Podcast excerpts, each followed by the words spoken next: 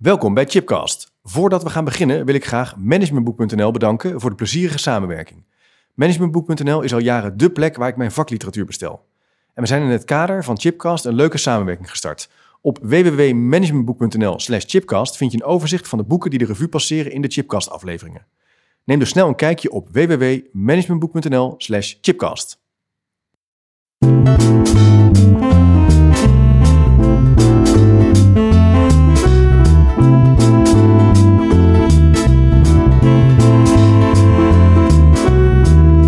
Welkom bij een nieuwe aflevering van Chipcast, een programma waarin ik op zoek ga naar verrassende antwoorden en nieuwe perspectieven op vragen die mij bezighouden. En in deze podcast staat de vraag centraal: kan een organisatie ziek worden? En wat moeten we dan doen om beter te worden? En dat gesprek ga ik voeren met Philippe Bayeur. Philippe, welkom in de studio. Superleuk dat je er bent. Fijn. Voor degene die je niet kennen, jij bent eh, systemisch organisatiecoach. Mhm. Ehm, en ik vind dat jij een unieke kijk hebt op hoe mensen in organisaties leven, werken en leren. En ehm, je ontwikkelt je daar nog steeds in, maar je bent altijd op zoek naar nieuwe perspectieven, hoe dat eigenlijk werkt en functioneert. En je wordt, kan wel zeggen, ik durf wel te zeggen, ge- zeer gerespecteerd door vakgenoten en opdrachtgevers. Je bent niet alleen adviseur, je schrijft er ook over. Je hebt eh, een heel mooi boek geschreven, Architect van je eigen organisatie. En later een boek, Trauma in organisaties. En daar gaan we het nu vandaag over hebben. Een boek hoe je trauma kan herkennen in een organisatie, het kan aanpakken en kunt voorkomen. En dat boek is ook verschenen in het Engels. Dan heeft het ook wel een hele mooie titel, vind ik. Stak. Het zit vast. En Dealing with Organizational Trauma.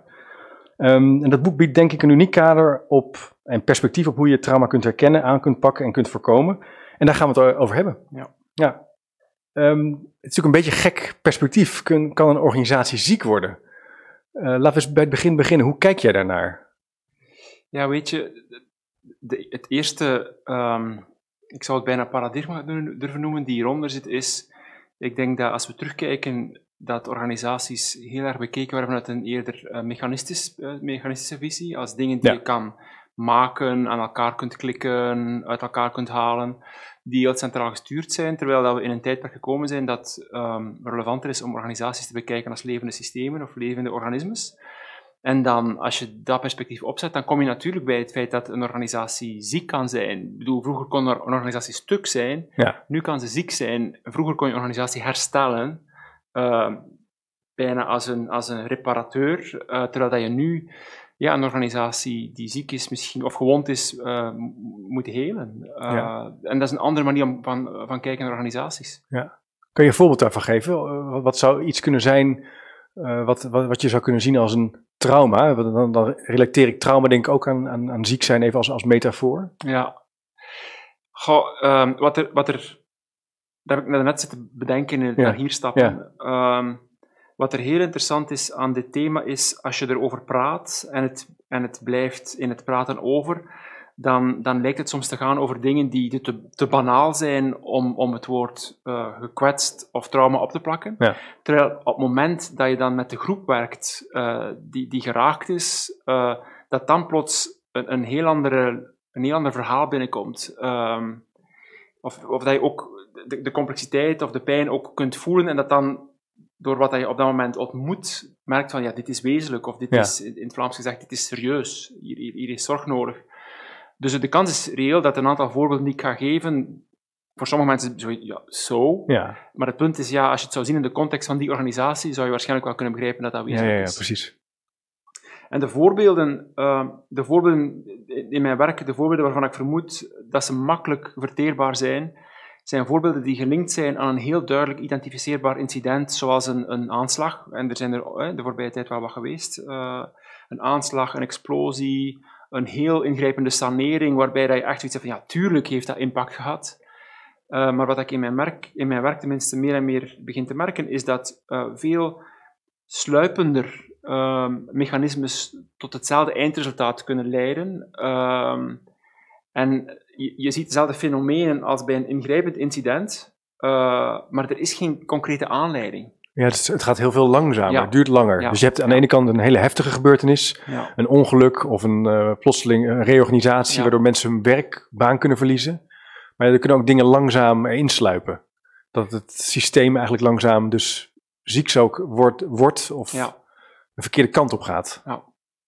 En het, ehm, wat, ik, wat ik merk uh, in mijn werk, en dan hey, kom ik terug op wat ik net zei, is dat het, het, een, belangrijk, een belangrijk aspect om, om, en dan zijn we aan het stappen in de richting van heling, maar een belangrijk aspect voor heling is, is erkenning. Ja. En uh, wat ik merk is dat als het een heel duidelijk afgebakend fenomeen is, zoals hè, een aanslag enzovoort enzovoort, dan, dan is erkenning makkelijker of binnen bereik. Terwijl als het iets is die, die jarenlang heeft zitten smeulen, om het zo te noemen, dan is het een veel moeilijker iets om, om, om erkenning te geven. Zeker als je merkt dat bijvoorbeeld, als de erkenning bijvoorbeeld moet komen van een, van een, een directeur bijvoorbeeld, als dat een directeur is die amper twee jaar in dat bad gezeten heeft, of amper twee maanden in dat bad zit, en dan begint te merken van, dat hij zoiets is van, ja, waar gaat het in godsnaam over? Ja. Maar moesten we die persoon in dit geval even lang in dat bad zetten, dan zou hij misschien ja. Echt begrijpen dat er pijn in het systeem zit. Je kan, ook, kan ook voor dat je dan denkt, ja, maar dat was voor mijn tijd. Bijvoorbeeld. Uh, wat heb ik hier nou mee te maken? Ik wil juist lekker bouwen, ik heb nieuwe klanten, we gaan mooie dingen doen. Ja. Maar jij zegt eigenlijk, nee, dat, dat verleden kan eigenlijk doorwerken in het nu. Je zou het cultuur kunnen noemen en dat zou zelfs verder kunnen doorslaan naar patronen die dus tot stagnatie leiden. En dus mensen ook ongelukkig kunnen maken, ziek kunnen maken. En dat, wat, hij, wat hij nu benoemt is, is op zich heel uh, relevant en mooi. Um, als je als, uh, als CEO of als manager botst op een organisatie die schade heeft opgelopen voor jouw tijd, vanuit een mechanistische visie zou je kunnen denken van ja, dat was voor mij, uh, die, die pagina is omgedraaid, we doen lekker verder. En dat klopt, vanuit een mechanistische visie klopt dat. Ja. Vanuit het kijken naar organisaties als levende systemen klopt dat niet, want uh, die pijn is van vroeger, maar is er nu ook. Dus dat betekent dat je soms als, als, als directeur in dit voorbeeld uh, de puin moet opruimen die jouw voorganger gecreëerd heeft. En dat is heel, heel vreemd, en tegelijkertijd, als je het niet doet, ga je wel zelf in jouw ambities met de organisatie blijven last hebben van iets dat jij niet gecreëerd hebt. Dus je hebt het op te ruimen. Je hebt het op te ruimen en dat begint, een punt wat jij net noemde was erkenning ja. als startpunt. Dat je erkent dat dat schade heeft opgeleverd, dat mensen dat het verdriet heeft gedaan. En als je dat dus niet doet, dan, dan kom je niet verder. Klinkt natuurlijk al snel heel soft, voor, misschien voor mensen. Van ja, we moeten toch door? Of, of ligt het aan mij? Ja, de, soft. Uh, uh, ik ken mij een jaar geleden uh, en dat kan je ook terugvinden in, in de literatuur. Uh, misschien zijn we in een tijd gekomen dat soft de hard aan het worden is. Ja, ja, ja. Dus wat ik merk is dat, um, en dat, dat, heb ik al ontdekt bij mijn, mijn eerste boek, um, mensen die zelf nooit geconfronteerd zijn met de realiteit van het leven, of de soms harde realiteit van het leven, en die, die zelf niet geconfronteerd zijn om te reflecteren over zichzelf, um, die vinden dat soft mensen die door een, perso een, persoonlijk proces gegaan zijn, zelf, of door het verlies van iemand, of, of door, door de ziekte van iemand, of een ingrijpende gebeurtenis, uh, die kijken met heel andere ogen naar dit soort dingen. Ja, ja, ja. Dus het, het heeft iets met, ik gebruik het woord niet graag, maar het heeft echt wel met, met een bepaald soort uh, menselijke maturiteit te maken. Um, en mensen die, die, die niet geconfronteerd zijn geweest met, die labelen het dan wel eens als soft, ja. ja tot op het moment dat ze zelf uh, met dit soort fenomenen geconfronteerd worden. Ja. Maar het leven is natuurlijk ook niet makkelijk. Je komt dingen tegen en een derde van onze tijd besteden we in organisaties. Dus het is op zich ook wel heel, als je er zo naar kijkt, logisch dat er ook dingen gebeuren in organisaties die je soms verdriet doen of die moeilijk zijn of waar je uh, niet goed uitkomt.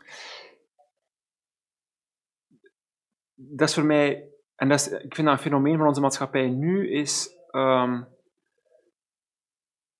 een van de redenen, om te beginnen, we zijn een, een, een heel risicoaverse uh, maatschappij geworden. Zero tolerance en in alle mogelijke domeinen. Ja. En het is natuurlijk goed dat we proberen ongevallen te vermijden en dat we proberen te vermijden dat dingen fout lopen, maar het is onvermijdelijk. Dus er komt een punt dat risico's willen vermijden leidt tot een extreme vorm van rigiditeit.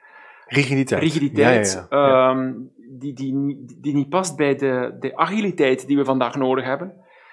Dus ik denk dat, dat, we, dat we er heel veel deugd van zouden hebben om, om ook te leren omgaan met dingen die fout lopen op een goede manier.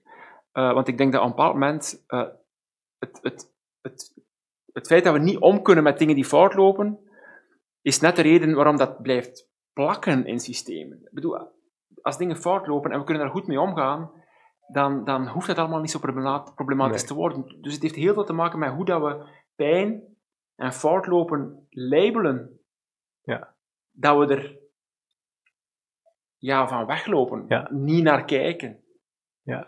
Eh, Maar dat is natuurlijk ook wel inderdaad diep in ons systeem. Hè? De, dingen op school niet fout laten gaan, succesvol zijn, doorstromen, eh, een goede baan krijgen. Terwijl moeilijkheden, eh, twijfel, eh, onzekerheid, het niet weten bijvoorbeeld. Dat is toch iets wat, eh, wat er ook bij hoort, denk ik. Ons, dat zijn menselijke eigenschappen. daar zit schaamte op, hè? Schaamte. Daar zit schaamte Ja, op. ja, ja. Oh, ja, ja. Dat durven we niet. Dat vinden we, vinden we Ja, wat ik, wat ik bijvoorbeeld, als ik, als ik denk aan, aan ehm, het, het mechanisme, mechanistische paradigma, eh, was een paradigma waarbij dat degene die het slimst was en die het meest wist, als al de rest het niet wist, eh, de, de hero was. ja.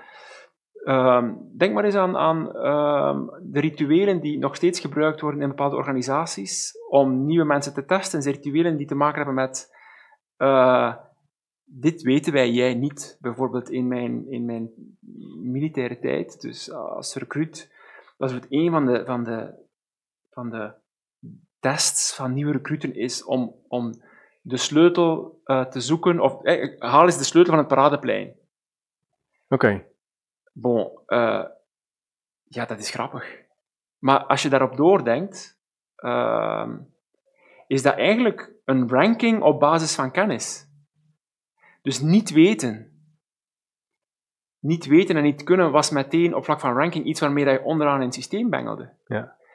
Ehm, dus het is makkelijk om nu te zeggen van niet weten is, is, een, is een kwaliteit, om in het niet weten kunnen te stappen, maar weet dat, dat we in de, in, de, in de manier waarop we met elkaar gewerkt hebben, dat dat leidde tot positieverlies. Ja. Niet weten en niet Kon kunnen. niet. Dus daar zijn we nog niet Ja. van afgekikt. Nee, nee, nee, zeker. Het zit heel Ja. diep in ons. Ja, ja. Ja, en dat zit dus ook, daar zit dus ook het idee van schaamte ook onder.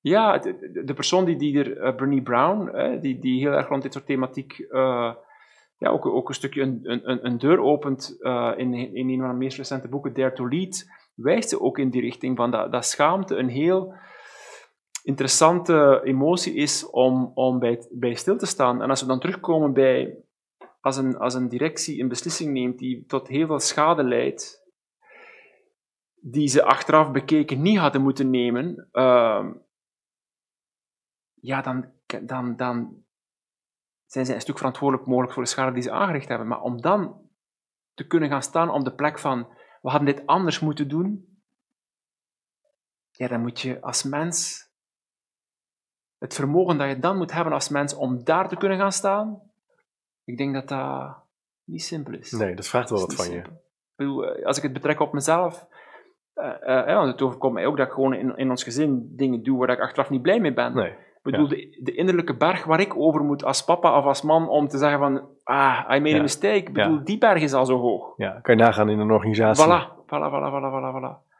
Dus ik denk dat we, dat we, ik denk dat we veel dit soort processen, dynamieken heel goed kunnen begrijpen door ook in onszelf contact te maken met, met, met, met dit soort emoties. Schaamte, onzekerheid, angst. eh, dus ik denk dat dat ook een stuk proces is die we zelf te maken hebben als, als, als mens, als manager. Dus het is, het is niet alleen een, het is een organisatieperspectief trauma, maar het is eigenlijk een heel sterk individueel perspectief. Gaat ook wie jij bent als professional Ja, in een ja, organisatie. Je kan, hè, dat- daar gaat, natuurlijk ga je ook uitgebreid op in in je boek.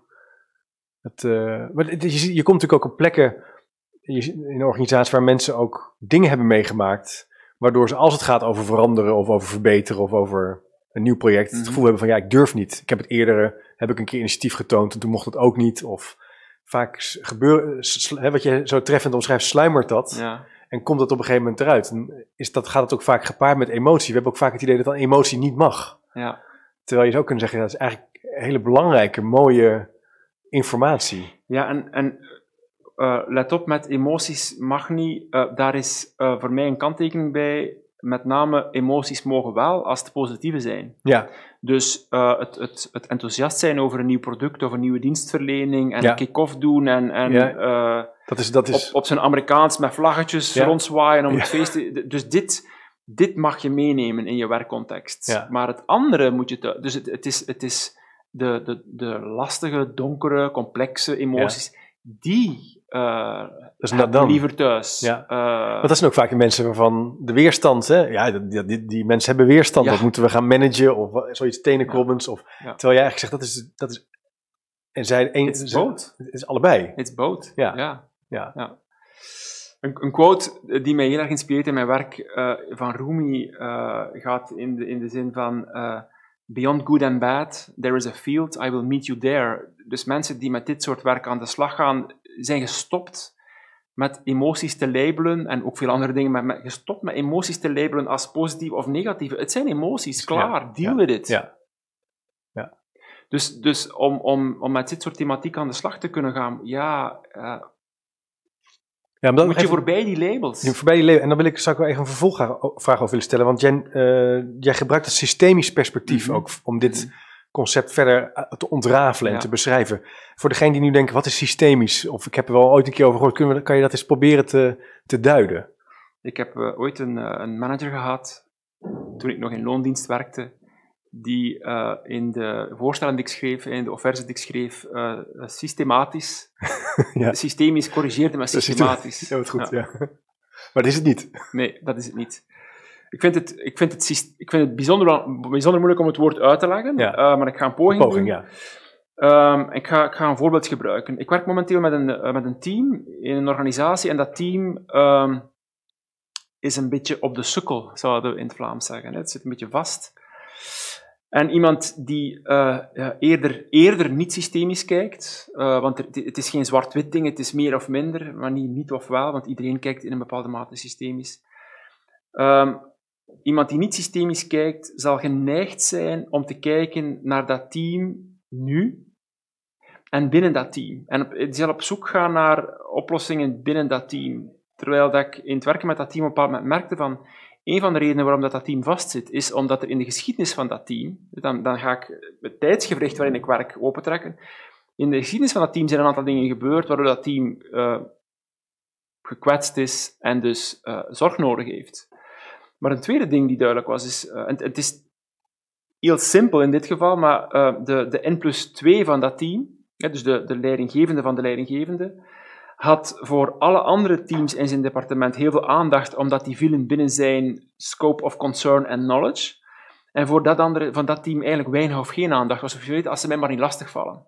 Ja, ja. Dus het wordt voor mij op een moment heel duidelijk dat als die, de, de hefboom de hefboom om dat team terug in beweging te krijgen zit niet in dat team. De hefboom zit elders in dat team. Dus iemand die systemisch uh, kijkt naar, naar, bepaalde, naar bepaalde situaties, die zal ook zien van waar het fout loopt, is vaak een symptoom, maar daar zit vaak de oplossing niet. En uh, dat kan je soms bij heel onverwachte, ik zal het vooral gemakkelijk even oplossingen noemen, dan kan je soms bij heel onverwachte oplossingen komen, maar die niet, die niet gelinkt lijken te zijn aan waar het probleem zich voordoet. En dat zijn voor mij expressies van systemisch kijken. Ja.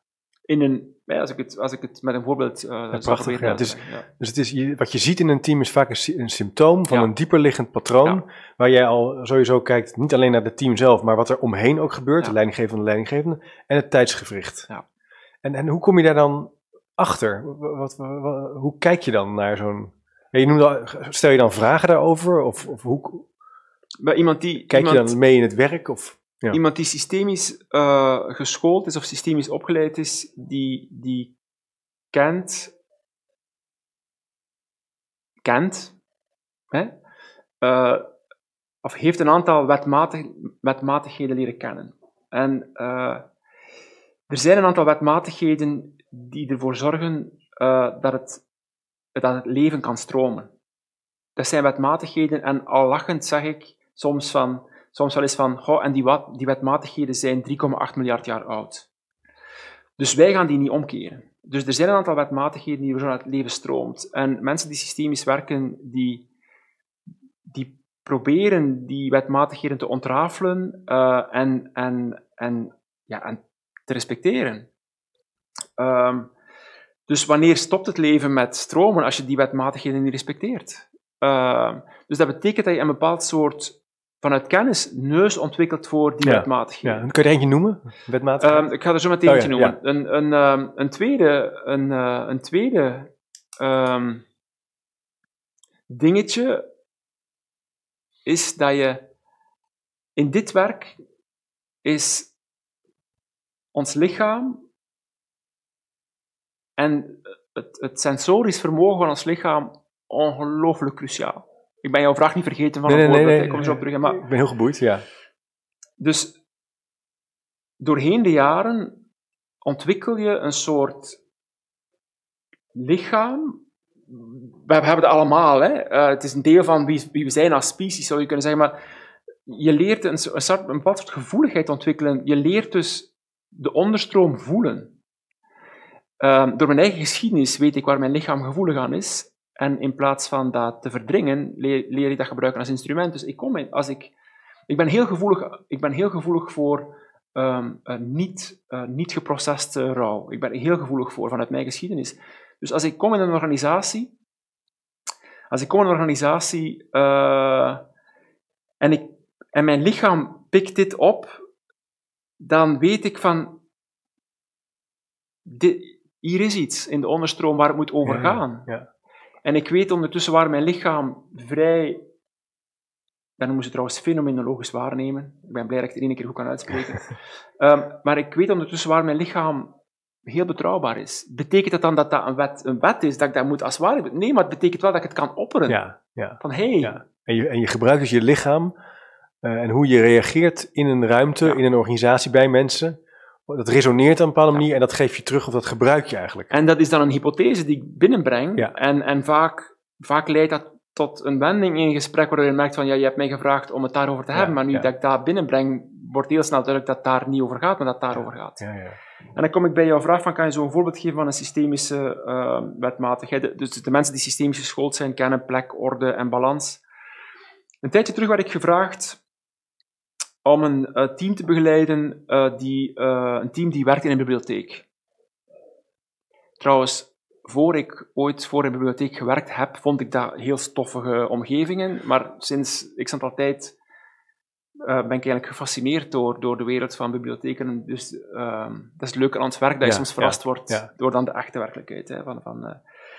En ik, ehm, ik heb een gesprek met, ehm, met die mevrouw, eh, dus die, die, die verantwoordelijk is voor dat team. En in dat gesprek voel ik, in no time, voel ik, ik noem dat uitgestelde rouw. Dus rouw die niet gerouwd is op het moment dat het had moeten gebeuren. ja. Wat er nog is. Ja. Ja, je hebt rouw en je hebt uitgesteld Ja, ja, ja, rouw, dus Dat is precies. verschillend. Ja. Ehm, ik, ik begin met haar te praten en ze wil, ze wil, een, eh, ze wil een teambegeleiding. En ik begin te bevragen en op een moment ehm, zeg ik van, ja, maar wacht, wacht, wacht, wacht. Ik, ik voel iets in de onderstroom die mij doet twijfelen of met dit team aan de slag gaan die wel de juiste, de, de juiste interventie is. Volgens mij spelen er een aantal andere zaken. Ehm, en het, het eerste dat naar boven komt, en dan komen we bij een van de thema's waar we oog voor hebben, is, is, eh, is plek. Ehm, zijn er nog mensen die deel uitmaken van het systeem? Je zou het bijna een, een, een geest kunnen noemen. Zijn er mensen die nog een plek hebben in het systeem die eigenlijk geen plek meer hebben? Of zijn er mensen in dit systeem die, die geen plek krijgen, die een plek zouden moeten krijgen? En ik, ik, ik blijf erop doorpraten en op een bepaald moment zeg ik van...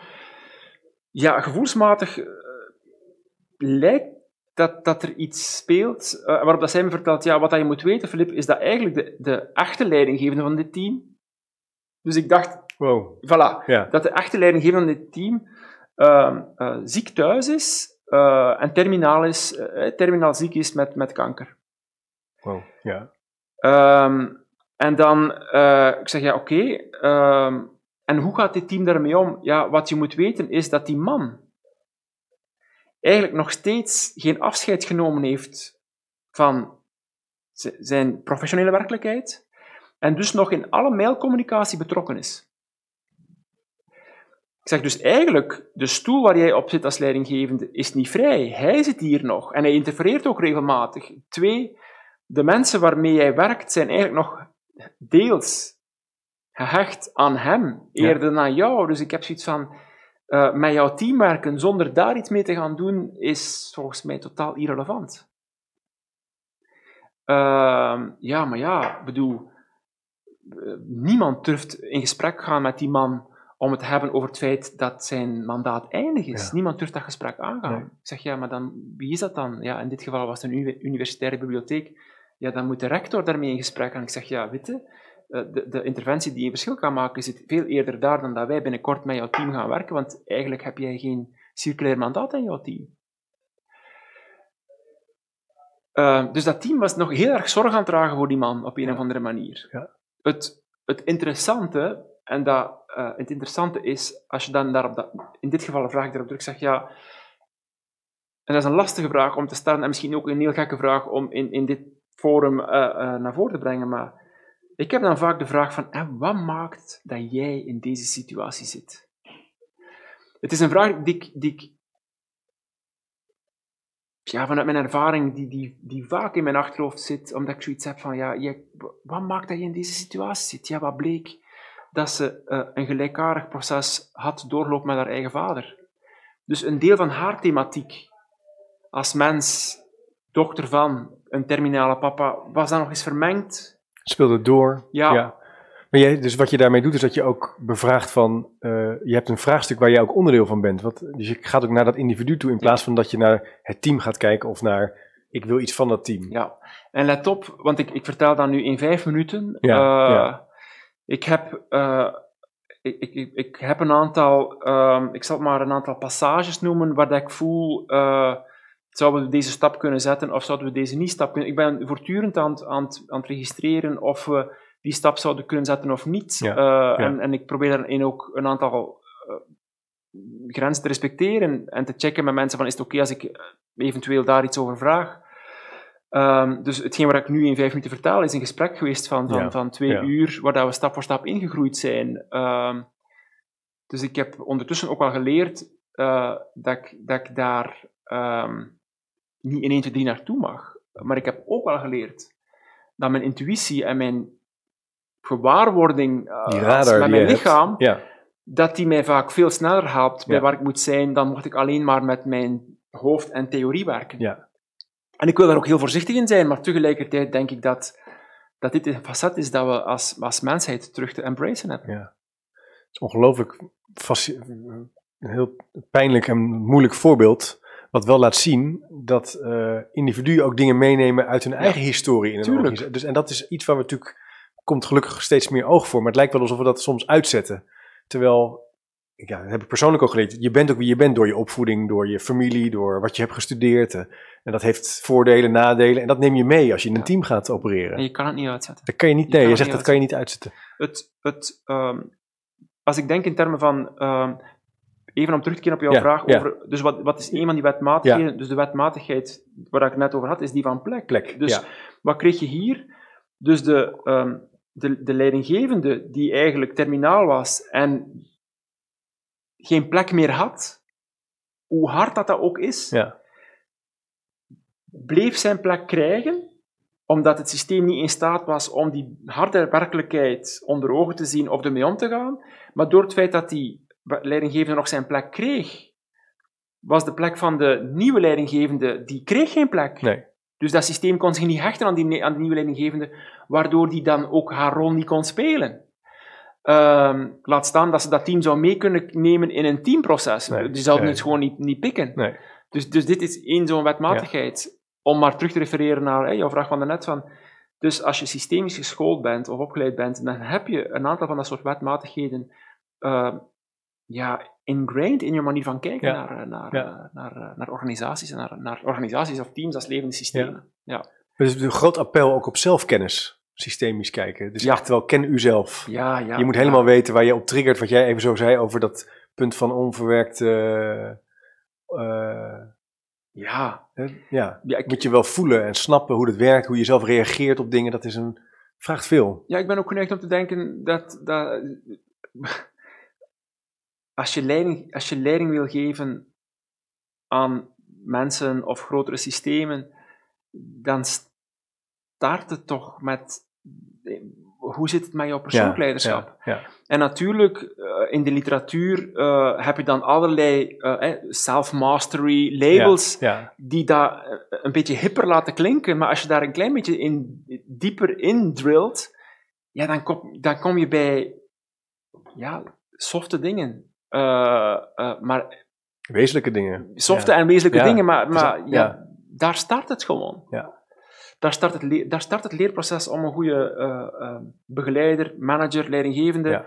ja, start gewoon bij, bij zorg, zorg op zijn minst dat je je eigen patronen en buttons kent. Want ja. zij maar gerust dat jouw, net hetzelfde bij mijn onderwijzers, hè, zij maar gerust dat jouw medewerkers in no time jouw buttons gaan detecteren. Tuurlijk. Het zal geen kwartier duren. Nee. Dus zorg op zijn minst dat je, dat je ze bij jezelf Nee, dat is voor mij iets menselijk, dat wij, wij relateren. Dat doen mijn kinderen dat ook. Die weten precies waarmee ze ja. op de dus, dus, kast kunnen voilà, Maar dat is interessant.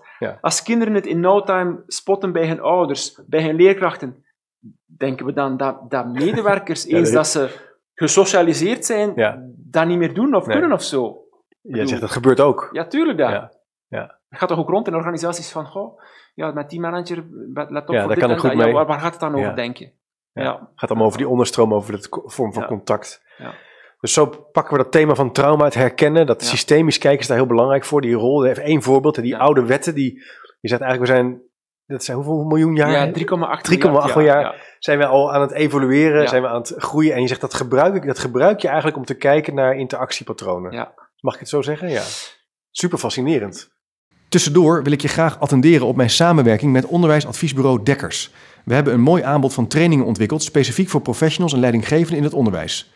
Wil je bijvoorbeeld in één dag overzicht van relevante managementmodellen, specifiek afgestemd voor het onderwijs? Of zoek je naar effectieve en bewezen methodieken hoe je aan curriculumverbetering kunt werken? Check dan www.oabdekkers.nl/slash chipcast of kijk op www.oabdekkers.nl bij open aanbod. Het punt is, uh, dus die wetmatigheden respecteren en ja, dat is een aspect van systemisch kijken. Dus er zijn een aantal wetmatigheden die helpend zijn om het leven te laten stromen. Um, en als je die, als je die ja, denkt van te kunnen bypassen, ja, dan, dan ga je merken dat een aantal dingen minder stromen. En als je kijkt naar het, het, het waar we nu in gekomen zijn, een snel veranderende wereld, waarin dat mensen heel vlot moeten kunnen schakelen, waarin dat we snel moeten afscheid kunnen nemen van bepaalde praktijken, nieuwe moeten kunnen integreren, dan hebben we uh, de, het, die levenscapaciteit van, van mensen uh, ongelooflijk hard nodig. Dus ik denk dat we, uh, dat we in een tijdperk gekomen zijn waarbij dat we zoiets hebben van ja, we gaan wel moeten kijken naar die wetmatigheden, want het, het, de wereld is ons in die mate aan het uitdagen dat we zonder die, die energie er gewoon uh, onderdoor gaan gaan. Ja, ik denk dat het ook een hele grote zoektocht is voor mensen. Want aan de ene kant is Europa aan het ontkerkelijken, ja. maar aan de andere kant is er nog nooit zoveel aandacht geweest voor zingeving, voor uh, zoeken naar wie je bent. Uh, dat is, bij jongeren speelt dat ook. Ja. Dus we zijn op zoek naar te begrijpen, wat doen we hier en hoe functioneren we? Dat, en jij zegt, is bij, bij uitstek nu in deze tijd heel wezenlijk. Ja, ik denk dat, dat, dat um, zingeving is volgens mij een element ja. om te kunnen stromen als mens. Ja. Uh, het, het, is al zo oud als de mensheid dat we dat weten, Ja. maar ook dat is weer zo'n woord, zingeving. Hè, dan denk ik, platitude oh, hoor nee, dat, nee. hè? Ja. Maar ik heb zoiets van, uh, let's face this. Uh, Ja. Er is een, een, een, een mooi Frans boekje, ehm, La Révolte des Premiers de la Classe. Dus blijkt meer en meer dat, dat de jonge generatie die nu de bedrijfswereld binnen begint te komen, millennials enzovoort enzovoort, dat die, uh, dat die zoiets hebben van, ik, ik, wil, ik wil werk doen dat betekenis heeft, waar ik het resultaat van voel. Ik wil niet achter, ik, ik, heb, ik heb geen vijf, zes jaar gestudeerd om dan achter een Excel te zitten en dingen te verschuiven in die Excel waarvan dat ik nooit de finaliteit zie. Dus ik denk dat, dat, Ja. dat zingeving een heel belangrijk element is Ja. om, om, om, om mensen, teams, veerkrachtig te laten zijn in een wereld waarin dat we dat heel hard nodig hebben. Mooi. Bij uitstek belangrijk. Ja. Ja. En dus trauma En- is, een, is, een, is, een, is de keerzijde. Ja. Trauma is, is wat er gebeurt met een organisatie. En eh, dat, dat speelt ook maatschappelijk. Trauma is wat er gebeurt met een organisatie als die levensenergie helemaal vast komt Ja. te zitten. ja, zoals Joost Kamper dat omschreef van een soort vorm van verwaarlozing is. Daar zit daar, dat, dat, lijkt, dat doet, doet me dat wel aan denken. Op het moment Ja. dat er zo weinig, en daar kunnen er ook dingen gebeuren, sluimerend. Goed, het is een andere. Nee, nee, maar het is, Maar het is ik ben aan heel het denken, eh, want daar kom ik terug bij, toen we het daarnet hadden over het sluimerende. Dus wat ik bijvoorbeeld zie, en dat zie ik heel erg in, in, eh, dat zie ik heel erg in, in, in overheidscontexten, dat ehm, eh, dus trauma kan ontstaan door een ingrijpend incident. Ja, net over ja, gehad. ja, wat je vertelde, ja.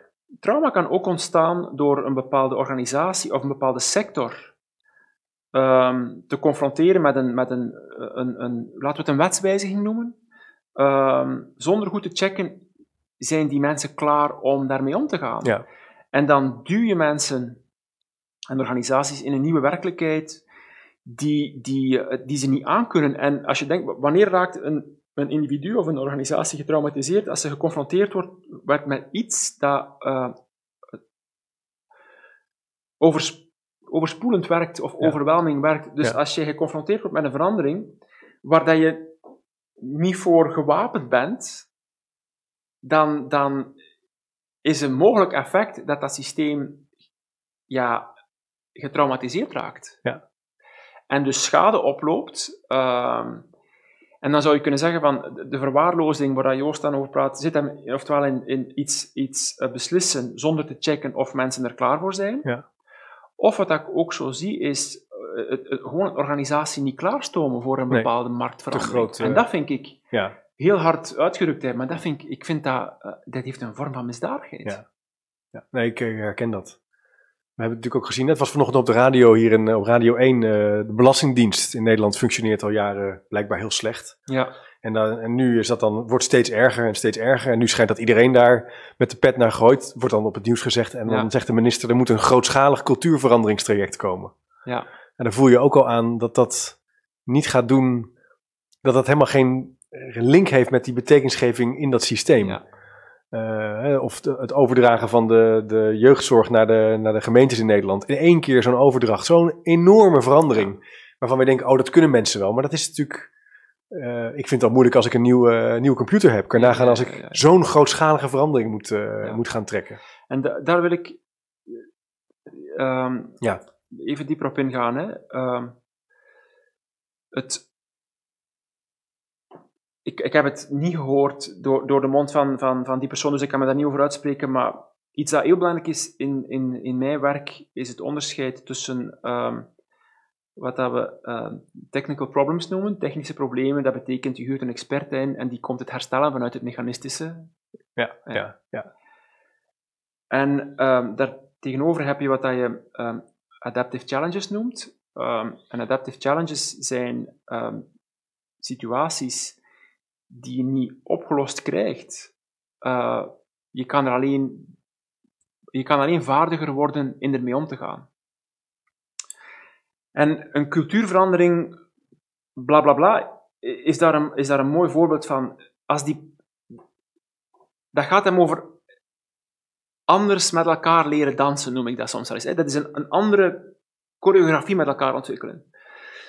Dat is niet iets dat je aan of afzet, dat is iets waar je met elkaar in ontwikkeling gaat. Ja. Met elkaar.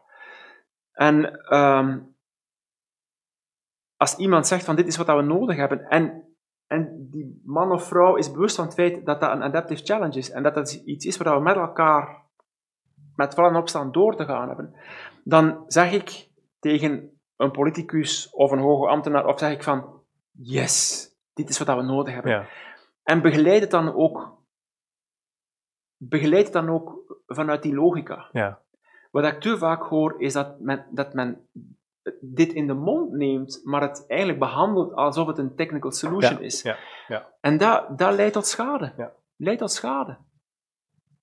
Dus we moeten een cultuurverandering doen. En we hebben de mooie woorden ervoor, maar uiteindelijk is het een plan van Voilà. aanpak. En zijn zes sessies en een keer trainen met een acteur en uh, klaar is Voilà. En je voilà, zegt, ja, voilà, dat is dus voilà, niet... voilà, voilà, voilà. En dat leidt, dat leidt tot, leidt tot Het vraagt ook wel een vorm van uh, ja, iets van compassie en rust. Hè, om te zeggen, nou, we gaan daar gewoon mee uh, onderzoekende weg mee, mee, aan de slag. We pakken een aantal van die vragen, we gaan Ja. die gesprekken aan en al werkende weg Ja. bouwen we voort. Maar dat zijn altijd plannen die natuurlijk minder, minder groots klinken. Ja. Uh, en daar hebben we ook wel, dat is ook wel een soort erfenis uit die technische wereld. Wat jij zo mooi, het, het is natuurlijk ook wel lekker om een groot plan te hebben en om te zeggen van nou, we zijn volgend jaar klaar.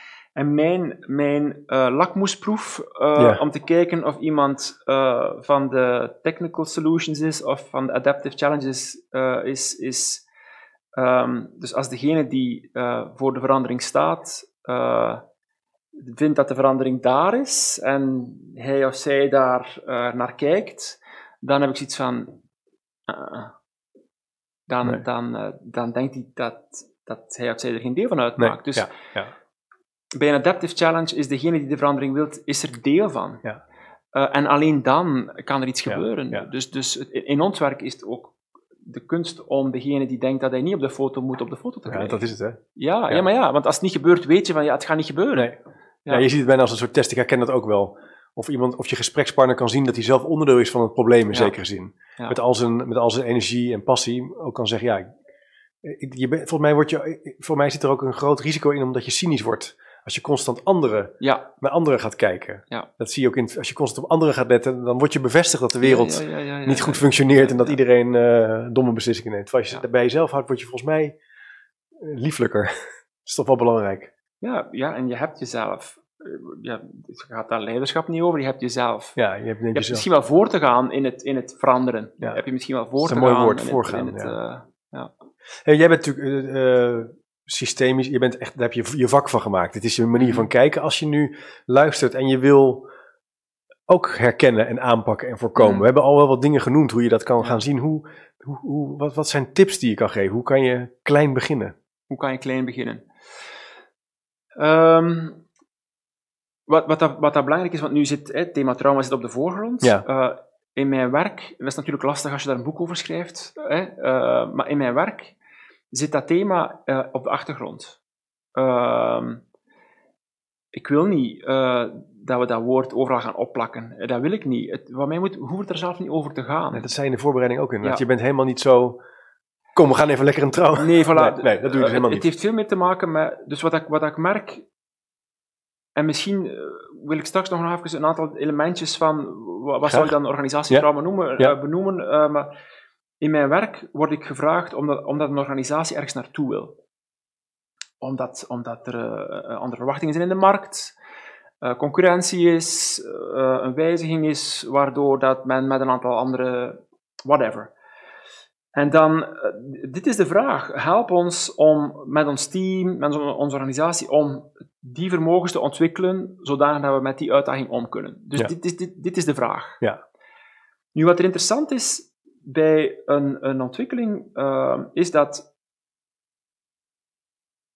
wanneer is er ontwikkeling nodig, of, of de vermogens die we nodig hebben om met die uitdaging om te kunnen, zijn niet ontwikkeld, en we moeten die ontwikkelen. Fine, let's do that. Of die vermogens die we nodig hebben om met die toekomstige uitdaging aan, eh, eh, eh, om te kunnen, die vermogens zitten vast. Zitten, zitten vast in onze organisatie, zitten stuk, zitten ergens gekwetst. Zijn ingeka- gekwetst, Ja. ingekapseld, kunnen niet bewegen. Ja, voilà. Eh, bijvoorbeeld, ehm, ik ben momenteel met een organisatie aan het werken die een jaar of vijf, minstens een jaar of vijf, op een bepaald moment heel erg, heel erg expliciet is gaan sturen op, op billable. Terwijl dat, dat een organisatie was die, nooit, die daar nooit mee bezig is geweest, omdat het niet nodig was. En op een bepaald moment, omdat de markt zo, ehm, zo veranderde, eh, moesten ze op billable gaan sturen. Dus, we- en, account- dus je moet eh, ja, targets, hè, dus ja, targets zoveel, halen. ehm, ja, ja. en de manier waarop die organisatie dat gedaan heeft, was dusdanig dat het eigenlijk bijna leidde tot een stigmatisering van mensen die hun billable niet haalden. Oh ja. En het interessante is, eh, er zijn geen mensen moeten gaan, maar er zijn wel mensen die voortdurend, ja, ik, ik noem het gestigmatiseerd, zich gestigmatiseerd voelden omdat ze niet billable waren. Ehm, die organisatie ehm, is dan opnieuw in, in, in, in betere water gekomen, waardoor dat, dat terug is gaan rusten, zou je kunnen zeggen. En nu, eh, vijf jaar later, eh, komt die organisatie terug eh, vanuit een overname. Komt die organisatie in een overkoepelende organisatie die terug begint te sturen op eh, de markt is veranderd, eh, we moeten meer omzet halen, we moeten toch eens gaan kijken naar. Dus wij worden gevraagd door die organisatie om daarom te gaan werken en meteen voelen van, hè, fysiek zo van, we voelen dit niet als een te ontwikkelen vermogen, want we voelen meer een in die organisatie. Oh ja. En op het moment dat je die voelt, denk je van, dit is geen vermogen die te ontwikkelen is, dit is een vermogen die ergens vastgezet is. Dus er is, Dat is een mooi contrast hoe je Er dat is zo omschrijft. in die het is- organisatie, ja, ja. dus- Dus, het, het, het, ehm, gaan kijken naar, ben jij met jouw afdeling ondernemend genoeg, is een trigger voor het afrekenen op uh, factureerbare tijd die ooit geweest is in dat systeem. Dus we hebben, we hebben meteen zoiets van, ja, we, we, we, zijn ervan overtuigd dat als we met die organisatie gaan werken, wat dat we ook gaan doen, is dat we op een bepaald moment gaan botsen op oude emoties. Ja.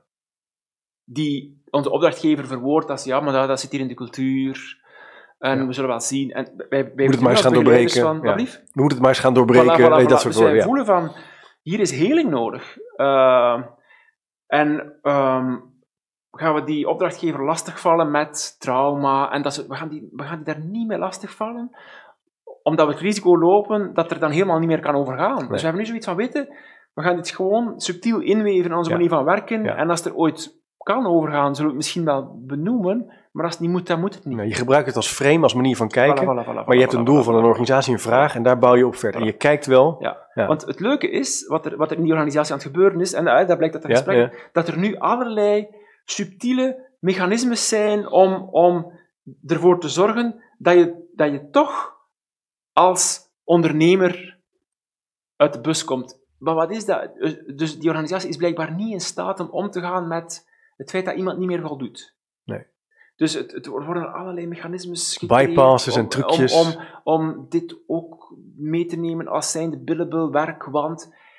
Maar, ik zweer het u, als een organisatie um, als kopingsmechanisme komt in dat soort verdoezelende mechanismes, ja, je gaat de markt niet halen. Hè. Nee, nee. Dus je hebt er belang bij om die pijn naar boven te brengen op een correcte manier, zodat dat terug kan helen. En dan kan die organisatie terug in kracht komen. Zo niet gaan die kopingsmechanismes, iedere keer opnieuw dat je, dat je die organisatie challenged op dat thema, gaan, gaan die kopingsmechanismes zich daar rondnestelen. Ja.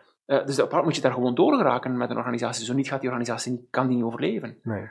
Uh, meer specifiek ging het dan hier over. Er werden, wat voorbeelden genoemd en dan mijn collega en ik, we keken af en toe naar elkaar. Zo van: oké, okay, ja, kopingsmechanisme, kopingsmechanisme, kopingsmechanisme. Maar op moet je daardoor. Dan zie je het patroon. Ja. Ja. ja. Dus, ja, dus wij zullen wel zien hoe dat zich gaat manifesteren de komende tijd. Ja, Spannend. Ja. ik kijk er naar uit. Ja, ja. Ik kijk eruit. Jij zei daarvoor dat je nog een paar van de, nog even wilde terugkomen op het idee van herkennen van de trauma's.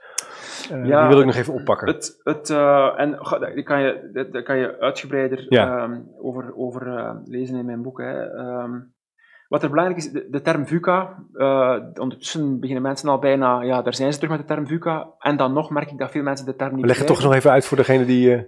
Ja, VUCA betekent dat we in een, in een, in een eh, wereld gekomen zijn die uh, volatiel, onzeker, complex en ambigu is. En ik vind de, de laatste ambigu is een heel interessante term. Ambigu betekent dat, je, uh, dat, je, dat er geen werkelijkheid meer is. Dat de werkelijkheid gelinkt is aan een perspectief. Dus dat betekent dat je hè, vanuit perspectief, hè, we nemen nu het, het uh, HR-perspectief, is dat de beste oplossing? Vanuit het productieperspectief, is dat de beste oplossing? Ja. Vanuit het finance-perspectief, is dat de beste oplossing? Dus er is geen beste oplossing. Elk perspectief heeft zijn beste oplossing. En om, om te komen tot goede uh, aanpakken, uh, moeten we dus oplossingen bedenken die doorheen die verschillende perspectieven zijn gegaan. En als we kijken naar hoe dat, hoe dat, hoe organisaties mechanistisch zijn gebouwd, uh, hebben we eigenlijk silo's gecreëerd. Waarbij dat we de strijd tussen perspectieven eigenlijk weggefilterd hebben. Nu, een VUCA-wereld dwingt ons om die perspectieven bij elkaar te brengen, want alleen dan komen we tot werkbare, duurzame, voldoende intelligente oplossingen.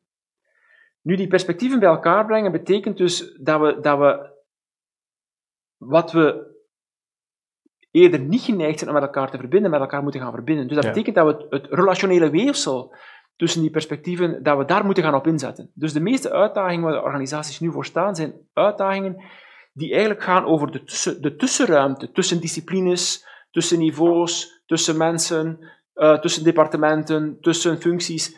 Die tussenruimte moeten we gaan managen. Ja. Daar weet je natuurlijk alles van vanuit jouw onderzoek. Hè? Over de netwerken, het, sociaal, ja, ja het idee dus, van vertrouwen en wederkerigheid. En ik noem, dat, ik, noem dat, ik noem dat het relationele weefsel van een organisatie. prachtig, ja. Het gekke is, het is er niet. We kunnen het niet vastpakken. We krijgen het niet in een Excel. We kunnen het niet vangen. Maar het zou wel eens de verschilmaker kunnen zijn voor de uitdagingen die voor ons komen. Ja. Dus dat relation- relationele weefsel kan er doodgewoon niet zijn. Dat kan je het ontwikkelen. Maar dat relationele weefsel, dat kan, dat kan beschadigd zijn. En dan praat ik over systeemtrauma. Ja. Dus dat gaat niet over trauma in individuen. En er kan ook sprake zijn van, maar het gaat hem over het weefsel tussen functies, het weefsel tussen departementen is beschadigd. En per toeval is de uitdaging die voor je ligt, een uitdaging die je maar aan kan als dat weefsel gezond is. En ehm, ik denk dat dat een van de redenen is waarom dat, ehm, dat dit thema nu in een aantal eh, sectoren eh, ingang begint te vinden. Omdat men begint te beseffen dat, dat wat er zogezegd niet is, of was, misschien wel eens de verschilmaker zou zijn, kunnen zijn voor, de- voor de komende, voor de Absoluut, komende ja. jaren. Ja. Ik heb natuurlijk het onder, jij refereerde aan het onderzoek naar eh, sociaal kapitaal. Ja, ja, ja, ja, ja. En wat ik altijd zo lastig vond, was dat ik het een heel mooi begrip vind, sociaal kapitaal. Maar ook kapitaal heeft toch weer iets van, we hebben er weer een poging gedaan om het op de balans te krijgen. Terwijl het inderdaad iets is wat niet voelbaar is. eh, of wat niet meetbaar is, maar wel heel erg voelbaar is. En je ziet het ook op, eh, in scholen, je ziet het in samenlevingen, vertrouwen, eh, je thuis voelen op een plek. Eh, dat heeft een enorme impact. Eh, iets willen doen voor een andere afdeling, voor een andere collega. Of denk je van nou, het zal mij een worst wezen wat ze op de achtste verdieping Ja. doen. eh, als ik mijn doelen maar haal. Ja, ja, ja, ja, ja. En, hoe, hoe kijk jij naar het hele economische perspectief in een organisatie? Je had net even het voorbeeld van die, dat bedrijf wat iets meer op gaat sturen op cijfers. Ja. Kan dat economische perspectief samengaan met een sterk weefsel? Ik denk dat wel. Ik denk dat wel. Ehm, twee vragen die mij heel erg ehm, fascineren in mijn werk. En van daaruit kom ik bij dat relationele weefsel. Hè. Ik vind het heel, vraag, heel, ehm, ik vind het heel interessant om, om de vraag te stellen. ehm, vertel mij eens over de uitdagingen waar jullie organisatie voor staat. Ja. En dat is op zich al een moeilijke vraag. Want eh, dat, dat is een element van leadership om de juiste uitdagingen te kunnen pinpointen. Dus dat is op zich al een heel interessante vraag. Ja. Maar voor mij is dat niet, de, eh, dat is niet de, de meest relevante vraag. De vraag die eronder zit is voor mij veel relevanter, zijnde van welke vermogens heb je nodig om met die uitdagingen om te kunnen? Dat is een ontwikkelvraag. Ja. Adaptive challenges.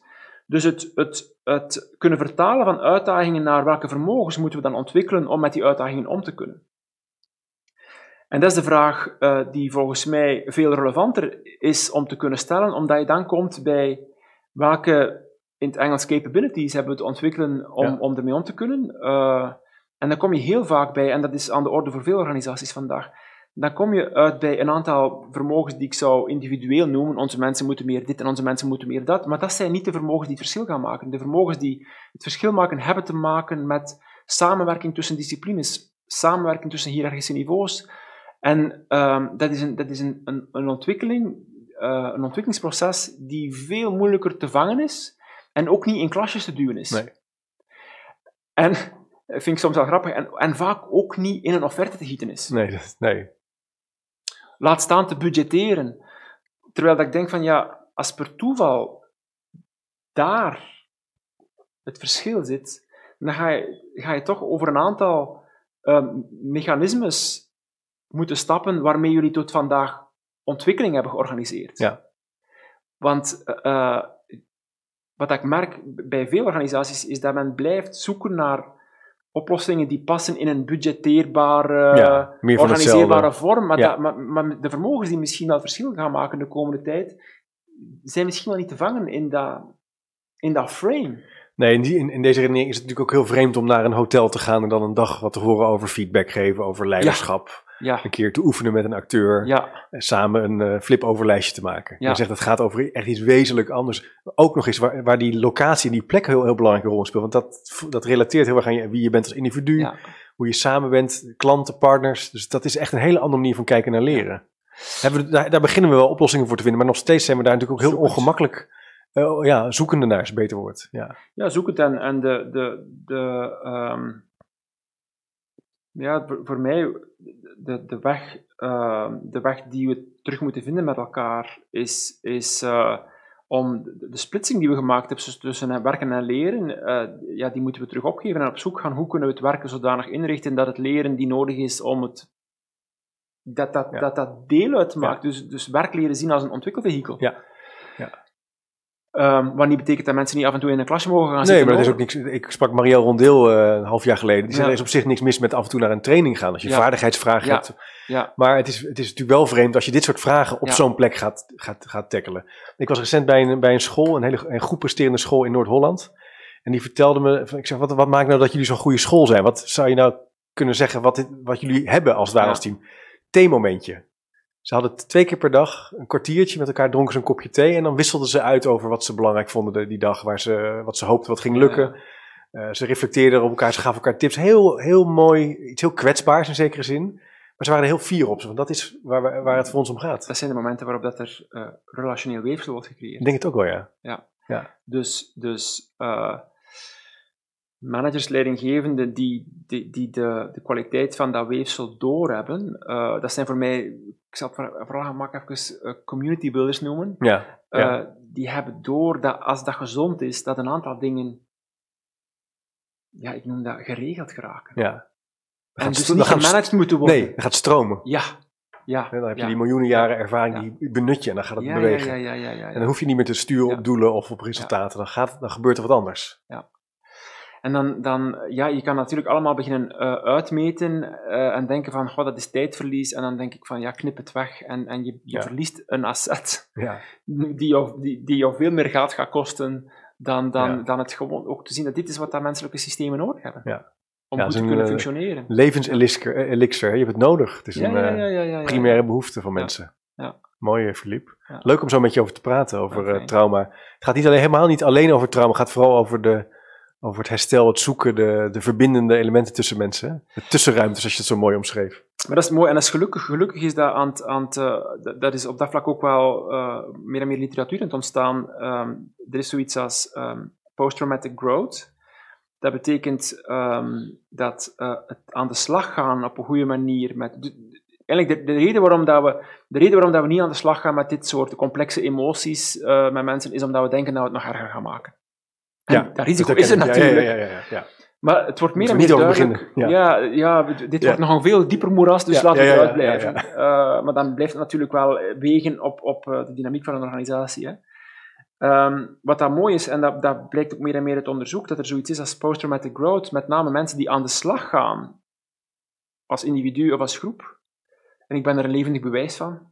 Ehm, mensen die aan de slag gaan met hun, hun, hun kwetsuren, ehm, of organisaties die aan de slag gaan met hun kwetsuren, die, ehm, die komen daar eh, ja, wijzer, rijker, eh, die komen daar wijzer, slimmer, rijker uit. Ja. En met rijker bedoel ik niet economisch rijker, Nee, nee, nee. maar dus de, de- blijkbaar raken er een aantal vermogens geactiveerd net door daarmee aan de slag te gaan. Ja. Dus dat perspectief eh, is heel helpend eh, om, om, om, het, om het net wel te doen. Eh, omdat er aan de andere kant ehm, ja, een, een, een, een, een, een winst kan zijn, die we misschien wel nodig hebben. Mooi. Ja.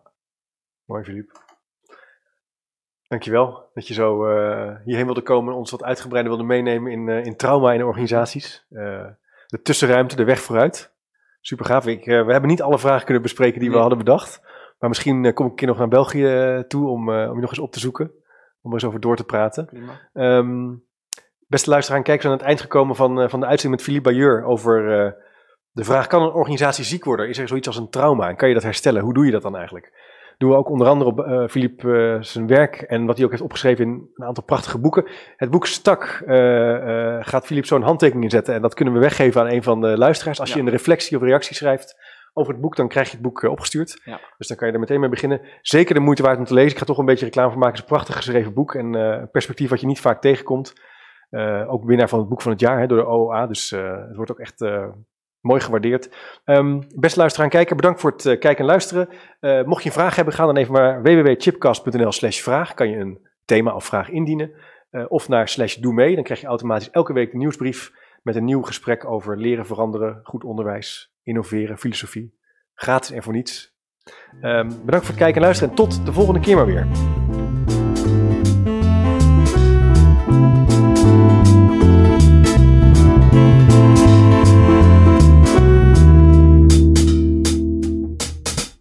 Thank